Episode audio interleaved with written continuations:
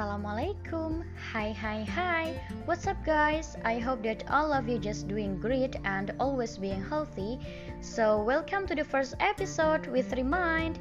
Jadi, di episode pertama kali ini kita akan mereview pembahasan mengenai konsep dasar administrasi. Kalian semua udah ada yang tahu belum nih apa sih administrasi?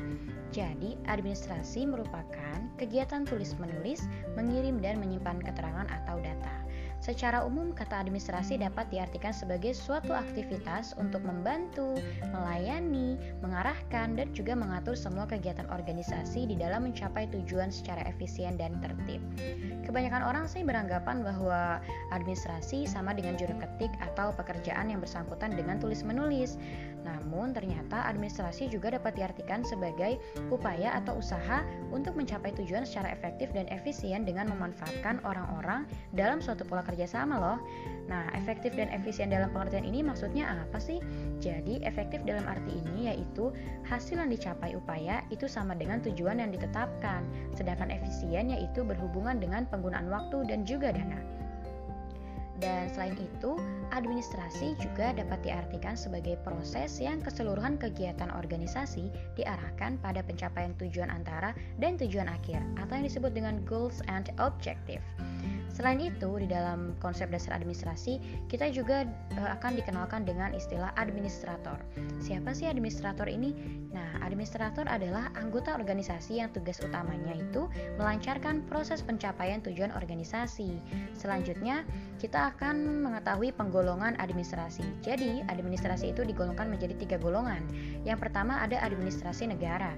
Administrasi negara ini dibagi lagi menjadi dua. Ada administrasi pemerintah negara yang terdiri dari administrasi sipil dan administrasi militer, dan yang keduanya ada administrasi perusahaan negara. Kemudian, golongan yang kedua ada administrasi swasta yang terdiri dari administrasi niaga dan administrasi non-niaga.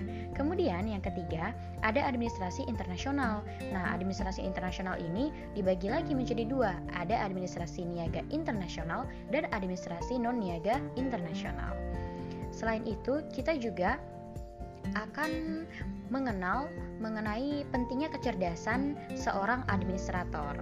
Nah, jadi selain faktor kompetensi, ternyata faktor kecerdasan juga memegang peranan penting loh dalam pencapaian kinerja terbaik seorang karyawan atau terkhusus untuk seorang administrator. Karena menurut Goleman, kecerdasan emosional adalah kemampuan untuk mengenali emosi diri sendiri, mampu mengelola emosi, mampu memotivasi diri, mengenali emosi orang lain, dan membina hubungan dengan orang lain.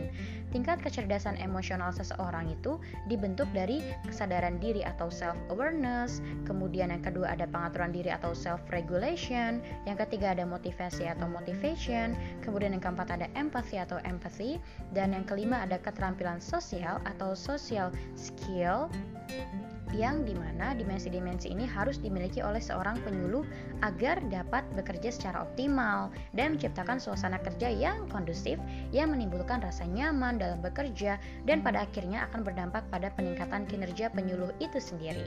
Oke, sekian dulu untuk review pada episode kali ini. Semoga bermanfaat ya dan jangan lupa untuk selalu ikutin terus kelanjutan dari episode-episode nantinya. Jadi stay tune terus ya.